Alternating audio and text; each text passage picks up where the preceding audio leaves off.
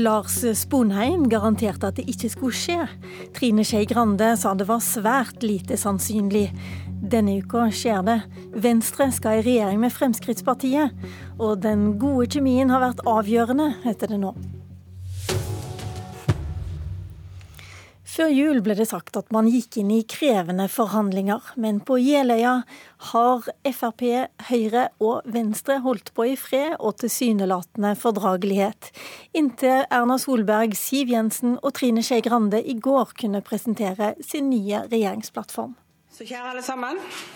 Vi legger altså i dag frem en ny regjeringsplattform for en regjering med Høyre, Fremskrittspartiet og Venstre. En blå-grønn regjering. Vi står her fordi summen av det Fremskrittspartiet har fått gjennomslag for, er større enn det vi hadde klart om vi ikke forhandlet med Venstre. Og så skal jeg heller ikke legge skjul på at kjemien mellom oss tre kanskje har vært litt avgjørende for at vi har klart å få det til. Ja, Ola Elvestuen, nestleder i Venstre, skal jeg gratulere med dagen?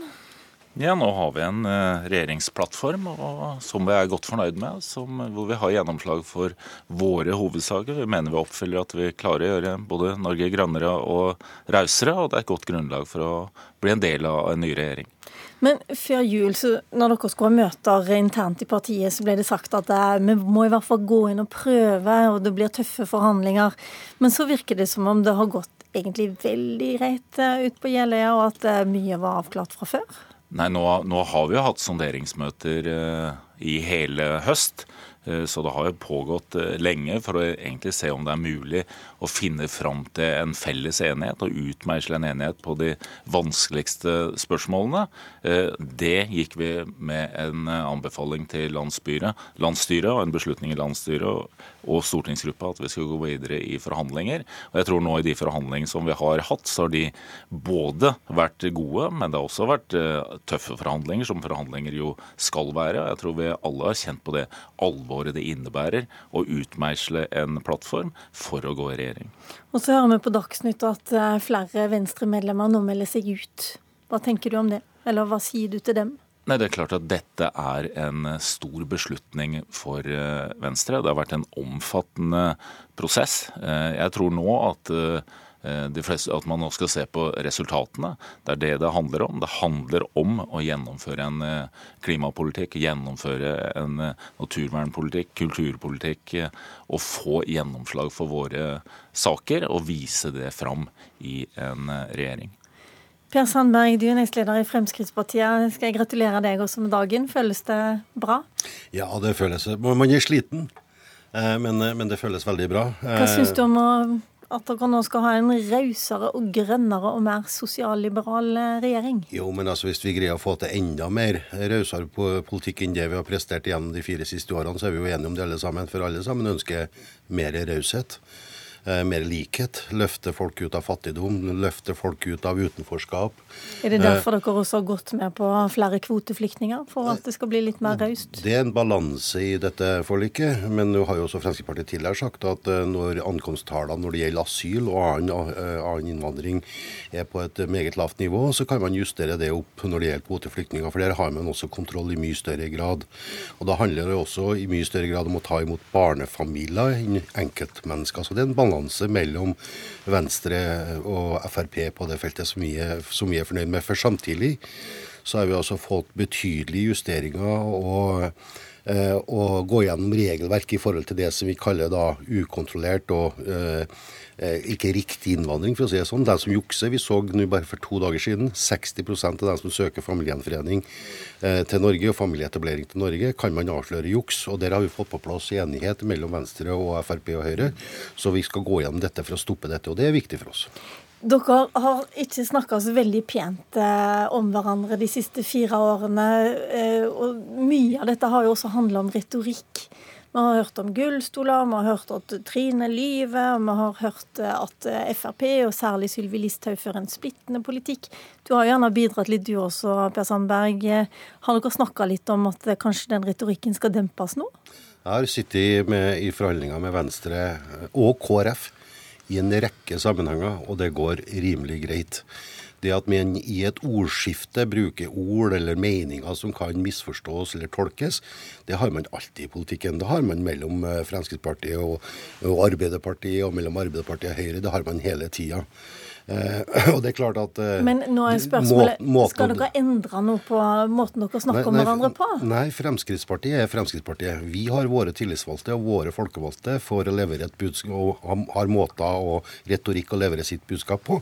Venstre har sin måte å gjøre det på, Høyre har sin måte å gjøre det på, Arbeiderpartiet har det. Og Fremskrittspartiet vil alltid være Fremskrittspartiet i så måte. Hva nå har vi kommet fram til det da, Nå har vi fått enighet om politikk, og det er det som er viktigst. Mm. Det som er viktig, er jo at du har en regjering som står samla om en eh, felles eh, politikk. Også på innvandring- og integreringsfeltet. Og jeg mener dette, en, dette har vært en omfattende forhandling hvor vi har utmeisla en enighet, og den må vi nå i fellesskap uh, stå for. Men det jeg lurer på er jo f.eks. på innvandringsståstedet, så kan eh, Venstre da si at nei, nå blir vi rausere, vi får flere kvoteflyktninger. Og så kan Frp si at nei, nei, nei, nå strammer vi inn.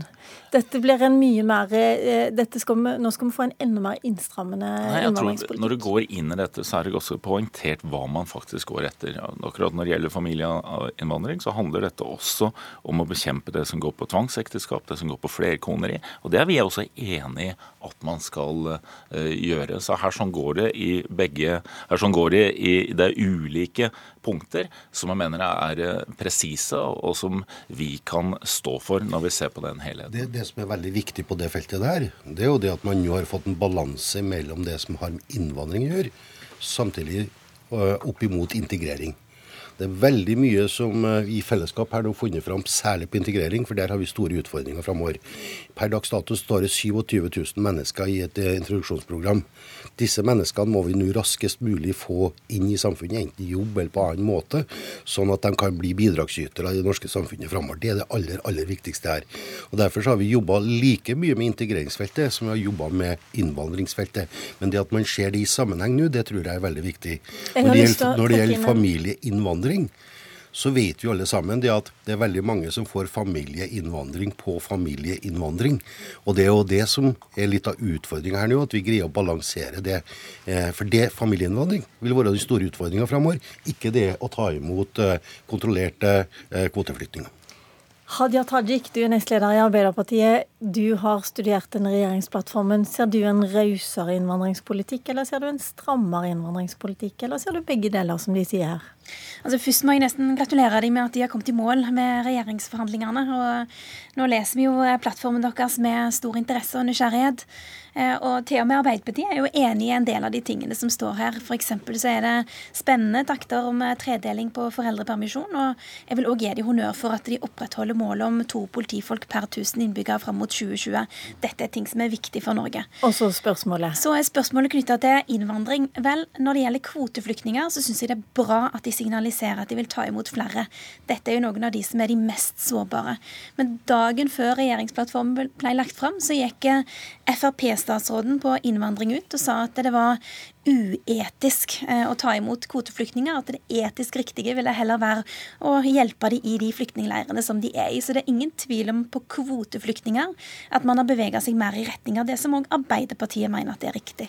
Lars Sandberg som får svare på det. da, Er det ikke lenger uetisk å ta imot flere kvoteflyktninger? Det, Nå har ikke jeg sett det, det oppslaget. Men jeg, jeg kan bekrefte at men, det sto der. Men, jeg har sett men det, det, det er jo ikke noe nytt i at Fremskrittspartiet har pekt på at man får betydelig mer hjelp igjen ved å hjelpe i nærområdene. Man kan hjelpe betydelig flere i nærområdene eh, med de samme midlene som man bruker på å ta flyktninger til Norge. Eh, og Det bør flere tenke over. Og den tror jeg også er veldig godt balansert i det som eh, ligger i plattformen.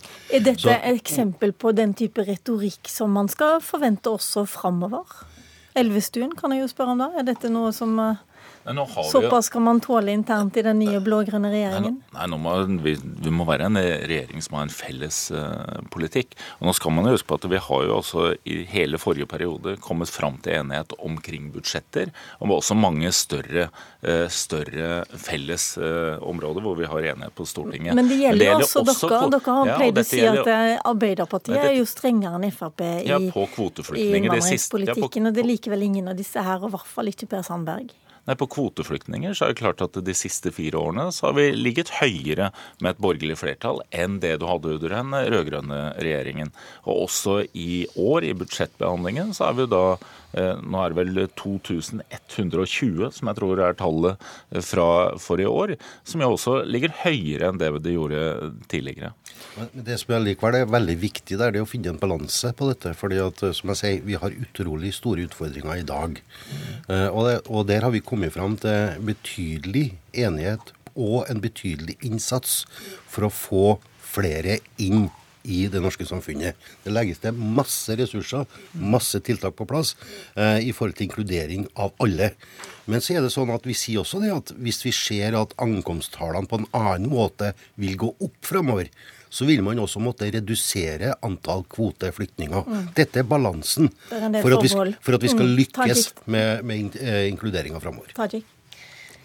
Inkludering er kjempeviktig, og jeg er glad for at eh, Per Sandberg sier at de vil legge vekt på det. Nå er det ikke så veldig tydelige formuleringer knytta til det i regjeringsplattformen. Det er mer diffuse, luftige visjoner det er lett å være enige om.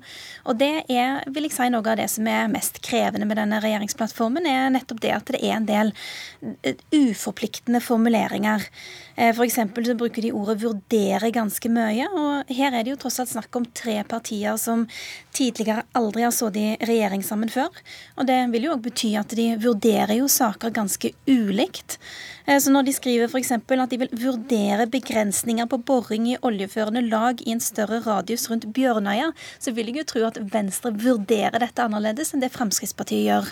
I tillegg så ser vi at de stedene der de er klare og tydelige, så ser vi at dette er tre høyrepartier som til sammen fører høyrepolitikk. Mer privatisering, mer konkurranseutsetting, mer søndagsjobbing og økte forskjeller mellom folk. Og etter at dere har vurdert dere ferdig, så skal dere også ha flertall. Og da statsministeren var her i Politisk kvarter andre nyttårsdag, så bekrefta hun at drømmen er å få med KrF. Da hun la fram plattformen i går, så mente hun det var flere ting KrF burde legge merke til. Eh, både i forhold til eh, de tingene vi gjør på eldrepolitikk, de tingene vi gjør innenfor sykehus, de tingene vi gjør på mange områder. Så vil jeg finne noen ting han kommer til å protestere på. Eh, det ligger noen forslag om å utvide åpningstidene på Vinmonopolet og på ølsalg i butikk, så det er ikke alt han kommer til å juble for. Men det er jo sånn at disse tre partiene har funnet fellesskap på sin politikk. Jeg skulle gjerne hatt den her, altså. Ja. Jeg skulle gjerne hatt den her. Ja, jeg skulle gjerne hatt han her også, faktisk. Eh, Kristelig Folkeparti-leder eh, Knut Arild Hareide, men han sitter på et fly. Og Derfor er det jo bra at du er med oss fra Stavanger, nestleder Olaug Bollestad. Venstre sa jo at det, lite at det, var lite sannsynlig at de skulle gå i regjering, og nå er de der. Har Jeløy-plattformen gjort det mer eller mindre spennende å vurdere invitasjonen fra Erna Solberg og Trine Skei Grande? Eh, først så vil jeg gratulere Høyre, Frp og Venstre for at de har fått en plattform. Eh, så har Venstre fått gått sin vei, og KrF skal gå sin vei.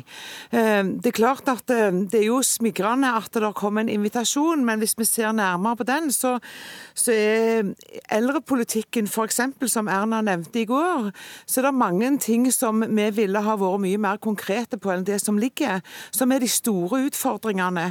Kompetanse, nok folk, hva for noe noen folk, sier plattformen ingenting om. Eh, hva skal fordeles mellom sykehus og kommune, f.eks. Men det jeg har lyst til å si om invitasjonen sånn generelt, er at eh, Plattformen legger til grunn mange politikkområder, men han, han, sier ingenting. Vi hadde en stor debatt i høst om verdier.